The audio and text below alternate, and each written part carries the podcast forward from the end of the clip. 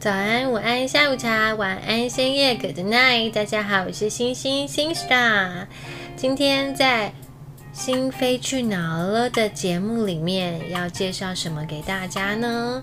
这是一个地方，是从二零二零年就一直火红到今年的一个主题乐园。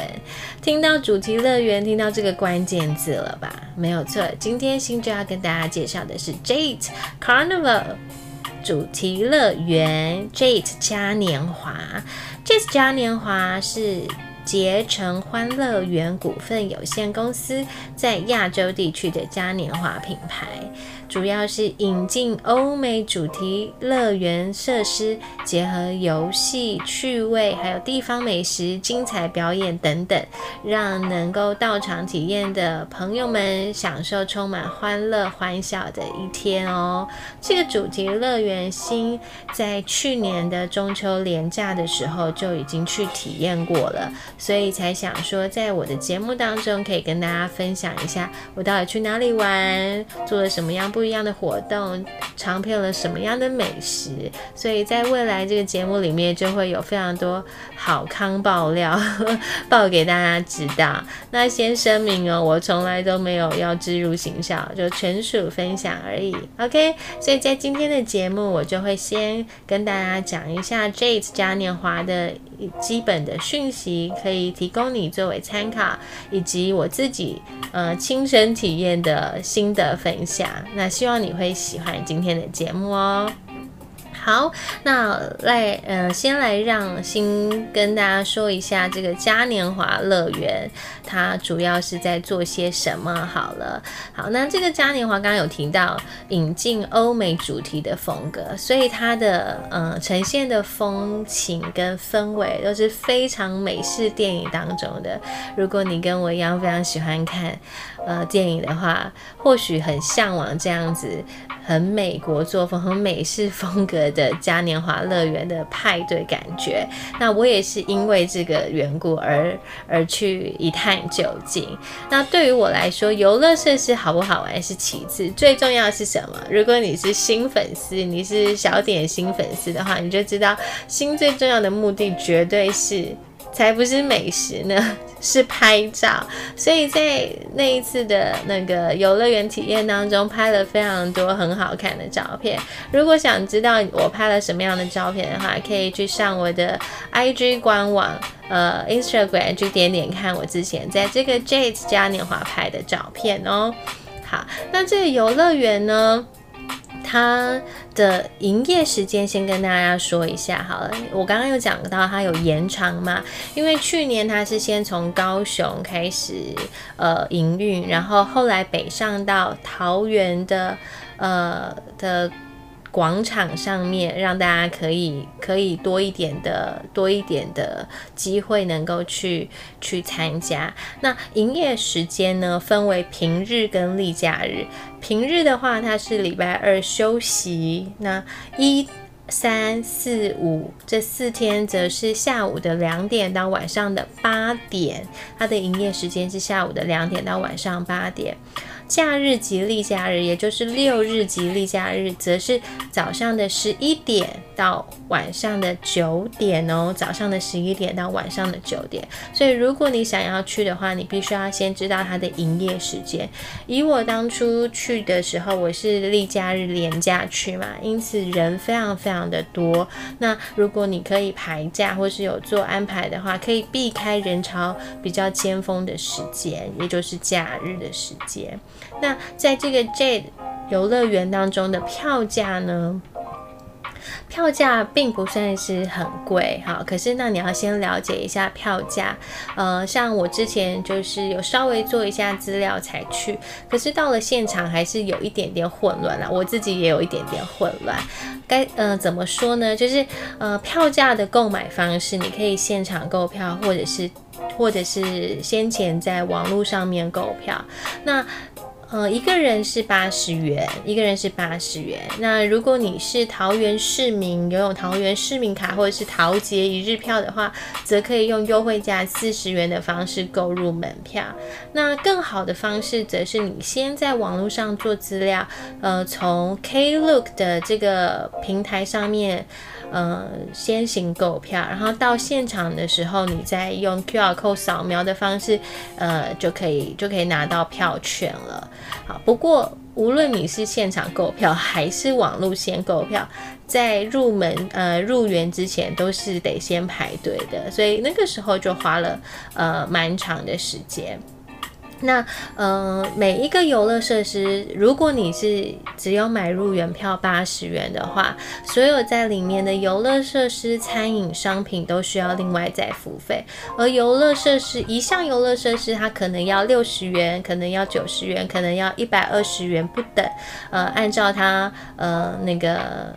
现场公告的标准为主，所以当时新只有买了那个呃门票入园，那进去里面所有的消费都是在额外再再花费的。那有一些人就是说，他可能全部的游乐设施他都想玩，或是他应该已经确定他会想要玩哪些游乐设施，他就可以在网络上的那个售票系统里面买套票，就会比较划算。该怎么？说呢，因为它的游乐设施它其实有分等级的，所以你就可以搭配，比如说我要门票搭配纪念卡，或是我要门票搭配呃搭乘券两张，或者是我要门票搭配呃 A 级游乐设施或者是几级游乐设施，或者是我要门票搭配二十张。呃，搭乘票券，那在网络上面的订购就可以享有八折、八八折、九折、八五折。等不等的优惠，那你们都可以现场，呃，就可以自己上网先做功课，先购买。那如果你只是想要体验那个风情的话，你可以就只要买门票就好了。这个是门票的须知。就从过来人的经验，就我先行体验，我就会发觉，嗯，如果当时我先在网络上先购买套票组合，或许会比较划算一点，因为我也不知道我自己到时候，呃，到了现场到底要不要玩。所以这个都是你可以在家先做功课的。好，那乐园里面到底有什么呢？当然就是游乐设施啊！哈，新觉得真的是越长大，那个胆子就是越来越小，完全只能看别人尖叫，然后自己在底下尖叫，也觉得很可怕。好，那在官方网站上面，它也有简单介绍，比较比较嗯。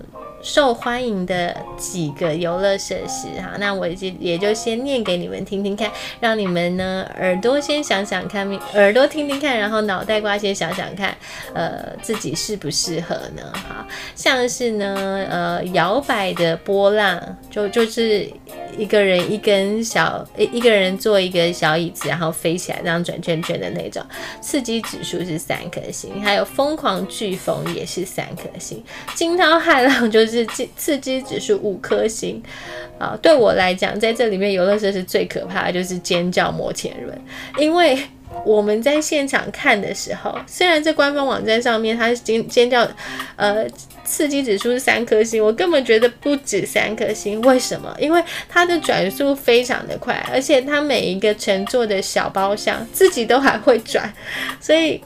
我我们就是从一开始就一路听到那个门口的摩天轮的尖叫声，一直到结束都还在不停的尖叫，我就只有在下面拍照，没有没有胆子上去玩。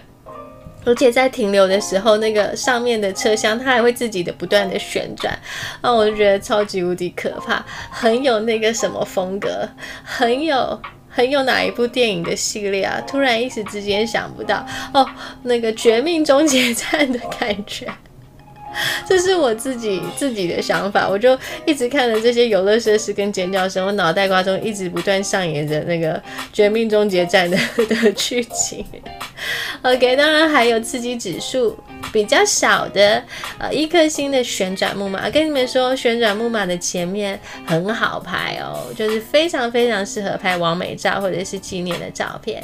还有狗狗小飞车，就是小型的摩天呃云霄飞车，这个我有做，这个我有做。还有小飞象，还有海盗船以及翱翔天际等等。好，那这一些嗯刺激指数呢？都在官方网站上面有展示，那大家仅供参考，仅供参考。好，那除了呃乐园设施之外，还有就是乐园里面有没有什么美食可以吃呢？当然是有的喽。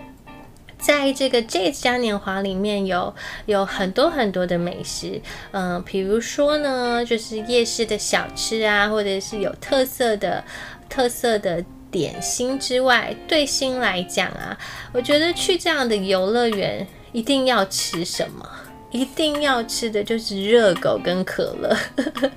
对我来说，最经典的搭配就是热呃热狗、可乐，然后薯条。如果真的还肚子还很饿的话，就是在一个 donut，这就是对了对心来讲是最完美的搭配。好，那我。我随便念一下，因为超级无敌多家的哦，大概有二十家美食美食市集聚聚集在那里哈。那你填饱肚子之余，就是再去玩游乐设施，玩完游乐设施再回头吃饭，你可以一整个下午都耗在那边也不错。好，那要怎么样到达这个 Jet 嘉年华呢？哈，你可以坐。你可以开车，你可以开车，你也可以坐大众运输工具，高铁或者是机捷或者是火车前往。总之，它是一个地理位置很好找的地方。那你线上 Google 一下，或是查一下都可以找到。那新还要跟大家分享一下我那时候去的的的经验，就是我不是只有买门票跟坐几项。很少很少像的游乐设施嘛，然后其他时间我都是在拍照。我那时候是下午到达，所以下午拍照就是自然的。灯光，可是我等到傍晚的时候，当它的游乐设施跟广场内的所有的灯光开起来的时候，照起来的氛围真的非常非常的不一样，很美式，很电影。所以如果你是喜欢拍照或是留影纪念的话，真的推荐你把它当做一个外拍景点也不错。那游乐设施。的话就看你自己愿不愿意去做。我是我是保持着观看好戏的心态，我是自己没有全部都体验啊，但是还是很推荐。另外呢，就是星也很喜欢在在游乐园里面玩那种花钱然后得到小礼物的小小小游戏，比如说投篮啊，或者是丢丢什么骰子，还是丢。我也不知道什么，反正就可以得到得到玩偶就对了。好，那 我就自己爆料一下，我在 Instagram 上面得到的那一只紫色的驴，丑的很很可爱的紫色的驴，是我花了大概将近一千。应该是超过一千吧，一千出一点玩那个游游戏，不知道丢什么东西丢中的，总之我把这一只价格不菲的、很丑的紫色的小驴带回家，那真的是很有趣啊！所以我觉得，嗯，去游乐园安排一个很棒的时间，然后跟三五好友或是家人朋友一起去。是一个不错的选择。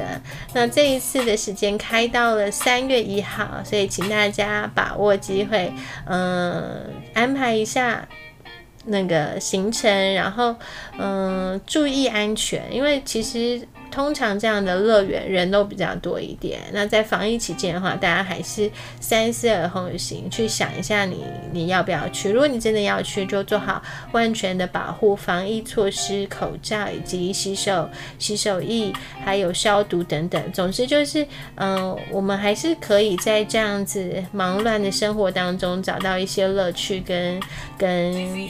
消遣嘛，所以推荐给大家。那至于你要不要去的话，先怎么样呢？先上网，先做一下功课，看一下大家的嗯评论也好，或者是看一下大家拍的照片，或者是仔细的研究官方网站所提供的资讯，都可以提供你作为参考。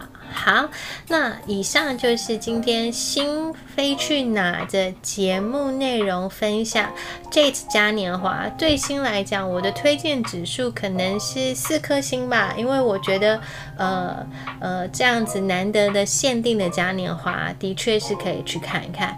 那再加上我喜欢拍照，喜欢拍不同主题的风格的照片，当做我生活的纪念，所以对我来说，这会是一个很棒的地方。不知道你们觉得怎么样呢？如果听完今天的节目有任何的想法，都可以写信告诉我，或是在我的个人的 Instagram 新 star star star，你可以去找到我，然后可以留言给我哦。好，希望你喜欢今天新的分享以及新飞去哪儿的节目内容。我们下次见，请记得要关注、订阅、追踪，还有准时收听。正规的节目会在每周三发布，那其他的节目就是不定期更新，请随时锁定哦。我是新 star，很高兴你今天的听呃收听，很高兴你今天的收听，那我们下次见，拜拜。